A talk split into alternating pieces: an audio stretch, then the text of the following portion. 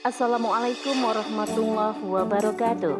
Sahabat podcast Narasi Pos Media, kembali lagi bersama saya, Yeni, dalam rubrik Opini. Opini kali ini berjudul Gerakan Ayo Sekolah di Garut. Peluncuran sekolah tatap muka di masa pandemi. Amankah? Oleh Ade Aisyah AMD bagai makan buah si malakama. Itulah peribahasa yang sesuai dengan kondisi pendidikan di masa pandemi. Pilihan sekolah tatap muka atau pembelajaran jarak jauh, dua-duanya memiliki risiko yang tak kalah beratnya. Sudah hampir dua tahun pandemi COVID-19 belum menunjukkan tanda akan berakhir. Dunia pendidikan sudah sangat resah dan gelisah. Masa depan generasi dipertaruhkan. Ketika sekolah daring berlangsung, tak jarang membuat orang tua darting. Anak-anak bukannya belajar, tapi malah intens main game dan berselancar ke sana kemari. Mereka beralasan tidak mengerti dengan materi pelajaran yang disampaikan. Memang belajar daring banyak keterbatasan. Guru tidak bisa langsung merespon murid yang tidak paham dengan materi pelajaran. Apalagi murid tidak ada kemauan bertanya ditambah tugas-tugas yang menumpuk menjadi beban berat murid. Padahal ilmu yang seharusnya dipahami tidak kunjung jadi pemahaman. Dilansir oleh harian garutnews.com, Pemkap Garut menggelar upacara peringatan Hari Pendidikan Nasional atau Hardiknas tahun 2021 di lapangan Sekretariat Daerah Garut, Kecamatan Tarogong Kidul, Kabupaten Garut. Dalam sambutannya, Bupati Garut Rudi Gunawan menyampaikan bahwa Kabupaten Garut memiliki semangat untuk menjadi penggerak dan pionir sekolah tatap muka. Apalagi sudah dinyatakan oleh Kementerian Pendidikan dan Kebudayaan Riset Teknologi atau Kemendikbudristek bahwa Garut menjadi bagian pionir atau pelopor sekolah penggerak. Rudi Gumawan juga menyatakan kita berharap tetap melaksanakan apa yang menjadi kewajiban kita, yaitu anak-anak bisa belajar. Tetapi di masa pandemi kita pun punya kewajiban tentang keselamatan anak supaya terhindar dari virus corona. Kehati-hatian para pemangku kebijakan memang masuk akal. Hanya saja masyarakat menjadi heran dan geram. Sekian lama sekolah ditutup tapi pasar-pasar bahkan tempat wisata dibuka. Sebelum mencanangkan gerakan Ayo Sekolah, Bupati Garut yang juga sebagai Ketua Satgas COVID-19 Garut sudah memberikan izin untuk melakukan simulasi sekolah bagi anak-anak TK, SD, dan SMP. Simulasi pembelajaran tatap muka dilaksanakan serentak pada tanggal 19 April 2021. Dalam kegiatan itu, ada beberapa poin yang diutamakan.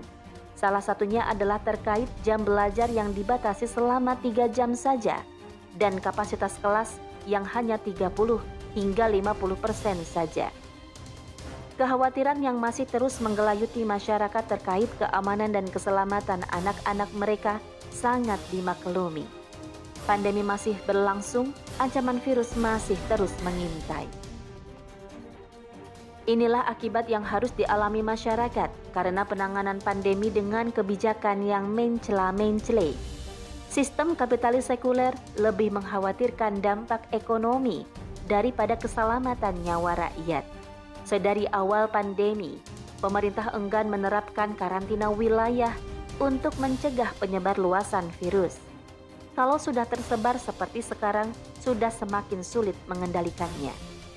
Seharusnya pemerintah mengoptimalkan dulu upaya 3T, tracing, testing, dan treatment, selain melakukan 5M, menggunakan masker, mencuci tangan, dan menjaga jarak, menghindari kerumunan, serta mengurangi mobilitas. 3T yang dimaksud yaitu pemeriksaan dini atau testing, pelacakan atau tracing, dan perawatan atau treatment Pemeriksaan dini menjadi penting agar bisa mendapatkan perawatan dengan cepat. Tak hanya itu, dengan mengetahui lebih cepat, kita bisa menghindari potensi penularan virus kepada orang lain.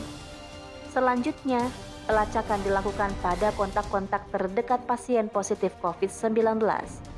Setelah diidentifikasi petugas kesehatan, pasien harus melakukan isolasi atau mendapatkan perawatan lebih lanjut. Perawatan akan dilakukan apabila seseorang positif COVID-19. Jika ditemukan tidak ada gejala, orang tersebut harus melakukan isolasi mandiri di fasilitas kesehatan yang sudah ditunjuk pemerintah. Sebaliknya, jika orang tersebut menunjukkan gejala, para petugas kesehatan akan memberikan perawatan di rumah sakit yang sudah ditunjuk pemerintah. Upaya 5M dan 3T selaras dengan upaya sistem Islam menangani wabah sejak awal, sehingga penularannya bisa diminimalisasi. Perintah Islam untuk menjaga jarak, social distancing, dan isolasi dari penyakit tercermin dari hadis Rasulullah Shallallahu Alaihi Wasallam berikut. Dari Usamah bin Zaid dia berkata, Rasulullah Shallallahu Alaihi Wasallam bersabda, Taun atau penyakit menular atau wabah kolera adalah suatu peringatan dari Allah Subhanahu wa Ta'ala untuk menguji hamba-hambanya dari kalangan manusia. Maka, apabila kamu mendengar penyakit itu berjangkit di suatu negeri, janganlah kamu masuk ke negeri itu dan apabila wabah itu berjangkit di negeri tempat kamu berada, jangan pula kamu lari darinya. Hadis riwayat Bukhari Muslim. Dari adanya 5M dan 3T yang optimal, akan didapatkan mana daerah epicentrum COVID-19 dan mana daerah yang minim kasus. Untuk daerah epicentrum, yakni yang masih banyak kasus COVID-19, seharusnya pembukaan sekolah tatap muka bisa ditunda dulu hingga kondisinya membaik atau memungkinkan. Sedangkan untuk daerah minim kasus COVID-19, sekolah bisa dibuka dengan syarat protokol kesehatan yang ketat. Sistem Islam menempatkan keselamatan warganya adalah yang terpenting dan bersungguh-sungguh mengurus rakyatnya. Sebagaimana hadis Rasulullah Shallallahu Alaihi Wasallam, imam atau khalifah adalah ra'i atau pengurus rakyat dan ia bertanggung jawab atas pengurusan rakyatnya. Hadis riwayat Al-Bukhari. Solusi tuntas Islam menangani wabah sehingga pendidikan tetap bisa berjalan hanya bisa dijalankan oleh negara yang menerapkan Islam secara kafah dalam naungan khilafah. Mari berjuang bersama menegakkannya.